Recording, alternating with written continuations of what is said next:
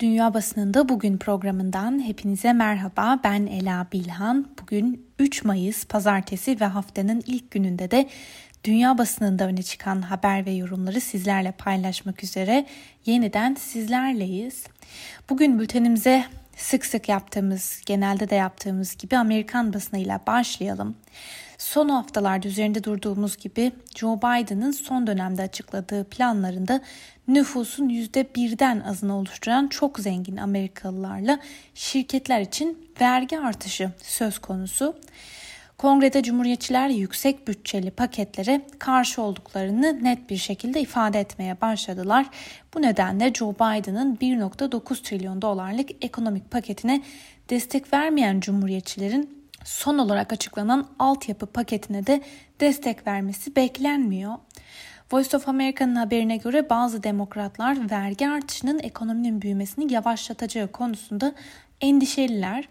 Son olarak Amerika Maliye Bakanı Janet Yellen, Başkan Joe Biden'ın altyapı, istihdam ve ailelerle ilgili teşvik paketlerinin neden olduğu enflasyon endişelerini yatıştırmaya çalışıyor. Yellen yaptığı açıklamada bu harcamaların yıllara hatta 8-10 yıllık bir zaman aralığına yayılacağı mesajını verdi. New York Times gazetesi ise bugün Biden'ın yakın zamanda detaylarını açıkladığı bu farklı planlara yönelik bir değerlendirme yapmış. Biden açıkladığı planlarla kısa ve uzun vadede özellikle orta sınıfı daha da güçlü destek vermeyi hedefliyor. Başkan Joe Biden'ın verdiği mesaj çok net. Tek başına özel sektör Amerikalıların büyük çoğunluğuna güvenlik, konfor ve rahatlık sağlayamaz. New York Times'ın gündemdeki bir diğer habere göz atalım. Gazeteye göre Joe Biden bir süredir el atmayı planladığı silah yasaları üzerinde çalışıyor. Ülkedeki silah yasaları ve bireysel silahlanma oranları uluslararası toplum tarafından bile utanç olarak kabul ediliyor. Biden'ın bu yönde bir adım atarak bireysel silahlanma oranlarını düşürme konusunda girişimlerde bulunmayı denemesi bekleniyor. Öte yandan bu tür girişimlerin uzun yıllar boyunca ateşli silahlar lobisi tarafından engellendiği de hatırlatılıyor. Gazeteye konuşan kaynaklar silah kurumunun yeniden yapılandırılması, yönetim mekanizmalarının değiştirilmesi ve modernize edilmesi gibi birçok değişimin olabileceğinin sinyalini veriyorlar. Washington Post'un gündemdeki haberlerden biriyle devam edelim. Ülkedeki bazı kesimlerin aşı olmaya yanaşmadığı biliniyor. Bu kesimin büyük bir bölümünü de gençler oluşturuyor demiştik önceki haftalarda da aktardığımız haberlerde. Son olarak meslek gruplarına dağılım göz önünde bulundurulduğunda polis memurlarının da büyük bir kısmının aşı olmaya sıcak bakmadığı belirlendi. Ancak gazeteye göre kamu hizmeti veren polis memurlarının aşı yaptırmadaki tereddütleri yeni güvenlik risklerini barındırıyor aşı olmayarak yalnızca kendi sağlıklarını değil aynı zamanda güvenliklerini sağlamak zorunda oldukları toplumu da tehlikeye atıyorlar yorumunu yapmış bugün Washington Post gazetesi. Gazetenin bir diğer gündemine de göz atalım. Cumhuriyetçi Parti'nin sadakat testini oluşturan ana unsur 2020 başkanlık seçimlerinin varlığını reddetmek ve seçim sonuçlarını kabul etmemek. Cumhuriyetçiler seçimlerin üzerinden aylar geçmiş olmasına rağmen Başkan Joe Biden'ın Donald Trump'ın yenilgi uğrattığı yönündeki temelsiz iddiaları sahiplenmeyi sürdürüyorlar. Bu ısrarın önümüzdeki seçimlere ve dönemlere etkisi de büyük olacaktır yazmış diye yazmış bugün Washington Post. Voice of America'nın bir haberiyle devam edelim. Kuzey Kore ABD Başkanı Joe Biden'ı nükleer programı nedeniyle düşmanca politika izlemekle suçladı. Biden yönetimi ise buna karşılık şu sıralar Kuzey Kore ve ülkenin nükleer politikası ile ilgili bir strateji belirlemeye çalışıyor. Beyaz Saray Biden'ın Kuzey Kore'ye yönelik ölçülü bir politika planladığını belirtiyor. Voice of America'nın haberine göre Amerika'nın değerlendirmeler yapmak için yakın dönemde Japon ve Güney Kore Ulusal Güvenlik Danışmanlarını Washington'da ağırlaması bekleniyor. Öte yandan Amerikan medyası Beyaz Saray'ın Kuzey Kore'deki insan hakları ihlalleriyle ilgili olarak bir temsilci atamayı planladığını da kaydediyor.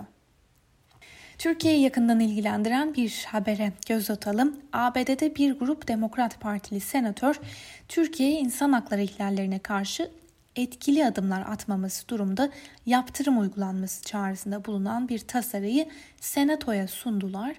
Sunulan tasarı ABD Maliye Bakanlığı'nın da devreye girerek uluslararası mali kuruluşlarından gelebilecek ve Türk hükümetinin insan hakları ihlallerini işlemesine yardımı dokunabilecek kredi, bağış gibi mali işlemlerin önüne geçilmesini istiyor.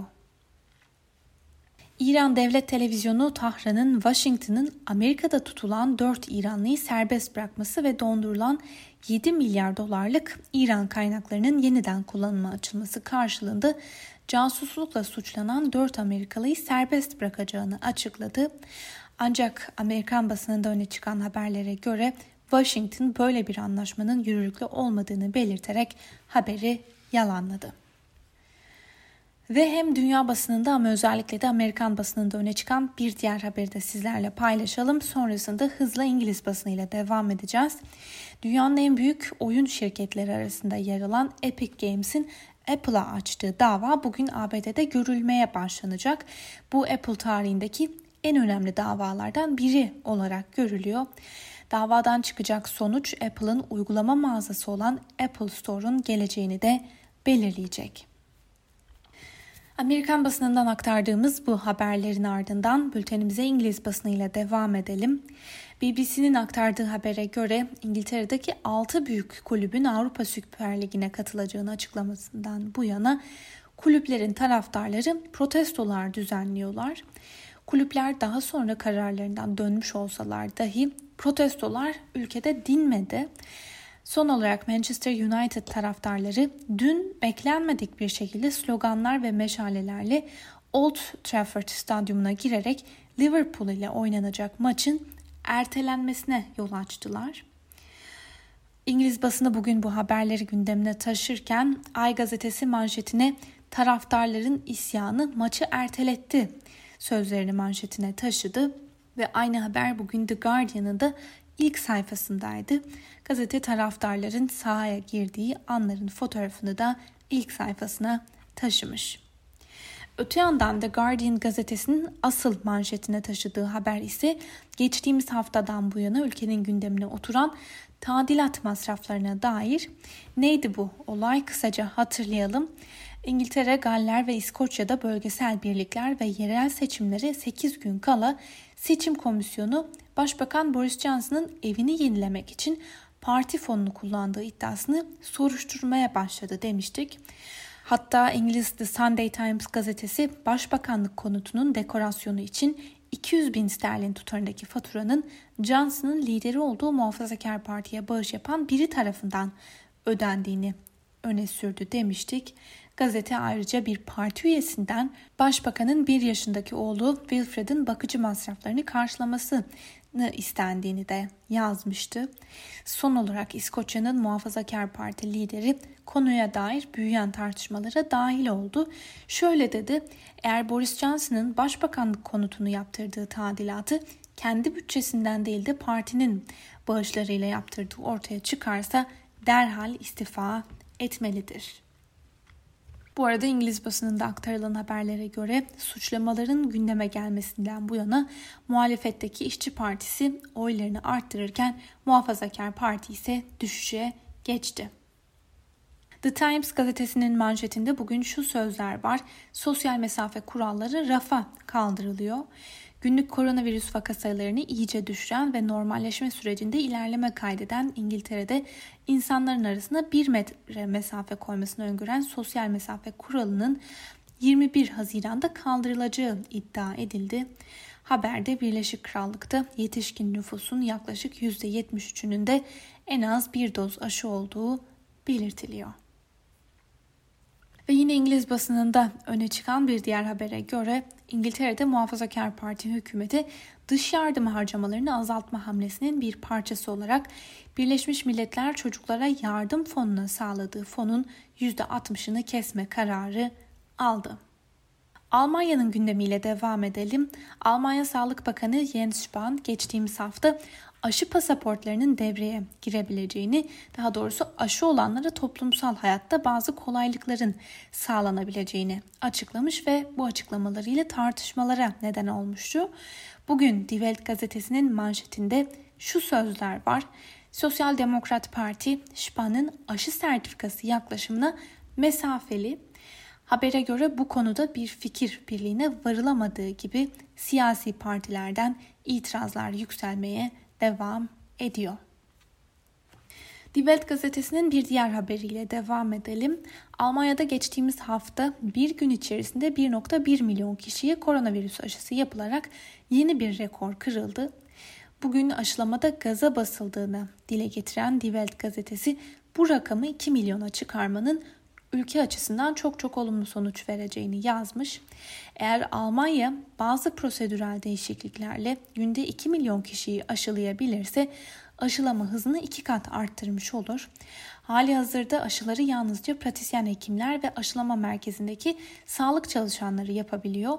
Ancak görünüşe göre bu da yakında değişecek. Aile hekimleri gibi farklı kadrolarda aşı yapmaya başlarsa sürü bağışıklığına daha çabuk ulaşılır. Tabii ki bu da mali olarak olumlu olumlu sonuçlanacaktır. Deutsche Welle'nin bir haberine göre G7 ülkeleri Rusya kaynaklı propaganda ve dezenformasyona karşı hızlı harekete geçebilecek yeni bir mekanizma teklifini değerlendirecek. G7 Dışişleri Bakanları iki yıldan sonra bugün ilk kez yüz yüze Londra'da bir araya geliyorlar. Fransız Le Monde gazetesinin haberine göre Fransa'da günlük vaka sayıları 10 binin altına düştü. Bununla birlikte hükümetin öngördüğü şekilde bugün normalleşme takvimi çerçevesinde ülkede yeni bir aşamaya geçiliyor. 30 Haziran'a kadar geçerli olacak yeni aşamada sosyal hayatta bazı gevşemelerin olması öngörülüyor. Gazeteye göre başta restoran sahipleri olmak üzere işletmeler bu düzenlemeden son derece memnun. Rusya'ya dair bir haberle devam edelim. Moscow Times'ın gündemdeki habere göre ülkede Covid-19 kaynaklı hayatını kaybedenlerin sayısı 460 bini geçti. Rusya'da salgının bilançosu ağır oldu diye yazan Moscow Times, önceki senenin ölüm oranları ile bu seneki oranlar karşılaştırıldığında %25'lik bir artış gözlemlendiğini de eklemiş. Sağlık çalışanları, hastane personeli, epidemiyologlar ve yetkililer dillendirilmese dahi ülkede 3. dalganın resmen başladığını söylüyorlar. Ve bu arada şunu da ekleyelim. Önceki günlerde Rus hükümeti cezaevinde bulunan muhalif lider Alexei Navalny'e bağlı siyasi grubu terörist ve aşırılıkçı örgütler listesine ekleyerek grubun faaliyetlerini ülke genelinde yasakladı. Hindistan'a dair bir haberle devam edelim. India Today'in haberine göre Hindistan'da hastaneler koronavirüsü vakalarını oksijen sağlama konusunda sıkıntılar yaşamaya devam ediyor. Hükümetin oksijeni düzenli sağlayamaması nedeniyle bazı hastane yetkilileri mahkemenin başkente sürece müdahale etmesini istemişti. Voice of America'nın haberine göre daha fazla hasta hayatını kaybederken başkent Delhi'de bir mahkemeden hükümete uyarı geldi. Mahkeme hayat kurtaran malzemeleri dağıtma konusunda yetersiz kalan hükümet yetkililerini cezalandırmaya başlayacağı konusunda uyardı. Kolombiya'da devlet başkanının açıkladığı vergi reform paketinin ardından geçtiğimiz hafta halk sokaklara dökülmüş ulusal grev kararı alınmıştı. Ülkede birçok e, kente polis ve göstericiler arasında da çatışmalar yaşanmıştı. Son olarak devlet başkanı 4 gündür ülke genelinde devam eden protestolar üzerine geri adım atmak zorunda kaldı. Sürdürülebilir dayanışma yasası adı altında çıkarmayı planladıkları vergi reform paketini geri çektiğini duyurdu. Al Arabya'nın gündemdeki haberlerden biri İçişleri Bakanlığı'nın yeni açıklamaları. Buna göre 17 Mayıs itibariyle Suudi Arabistan kara ve hava ulaşımını açmaya hazırlanıyor. Düşen vaka sayılarının göz önünde bulundurulması ile varılan karar ile normalleşmeye dönülmesi hedefleniyor. El Cezire'nin gündemdeki habere de göz atalım. Hindistan'da vaka sayıları artmaya devam ediyor. Yeni Delhi'deki sokağa çıkma yasağı bir hafta daha uzatıldı. Tüm yaşananlarla beraber ülkedeki vaka sayısı 20 milyonu geçti. Son 24 saatte 340 binden fazla kişinin hayatını kaybetmesiyle İngiltere ve diğer ülkeler daha fazla destek gönderme kararı aldı. Çin Komünist Partisi'ne dair bir haberle devam edelim. Çin Komünist Partisi ile ilişkili bir sosyal medya hesabından yapılan ve Hindistan'daki Covid-19 ölümleriyle alay eden bir paylaşım tepkilerin ardından silindi. Bunun üzerine Çin'deki Global Times gazetesinin yazı işleri müdürü Çin'in Hindistan'la insani bir dayanışma göstermesinin ahlaki açıdan daha doğru olacağını belirten bir makale kaleme aldı. Global Times'a değinmişken bugünkü baş yazısında sizlerle paylaşarak bugünkü programımızı noktalayalım. Bugünkü baş yazıda özetle şöyle deniyor. Çin uzayda sürekli yeni efsaneler yaratıyor. Çin uzay istasyonunun çekirdek modülünü başarıyla uzaya göndermiş olması sevinçle karşılandı. Bu Çin'in uzay istasyonu inşaatının tam uygulama aşamasına girdiğini gösteriyor. Çin'in insanlı uzay programı için çok önemli bir adım atıldı. Milyonlarca yurttaş bu haberi gururla okudu. Ve yazı şöyle devam ediyor. Elbette ABD ve Rusya ile karşılaştırıldığında Çin hala geride kalmış sayılır. Ancak aradaki bu fark Çin için aynı zamanda itici bir güç. Çin adım adım uzay yarışına giriyor. İnsanlığın uzayı keşfi daha yeni başladı. İnsanların keşfetmesini bekleyen sonsuz bir alan var uzayda. Bu anlamda Washington'ın tüm vaktini ve enerjisini Çin ile jeopolitik rekabete girmek için harcaması da dar görüşlülüğünü işaret ediyor. Sevgili Özgürüz Radyo dinleyicileri, bugünkü programımızı Global Times'ın baş yazısıyla bitirdik. Yarın aynı saatte yeniden sizlerle olacağız. Özgürüz Radyo'dan ayrılmayın. Şimdilik hoşçakalın.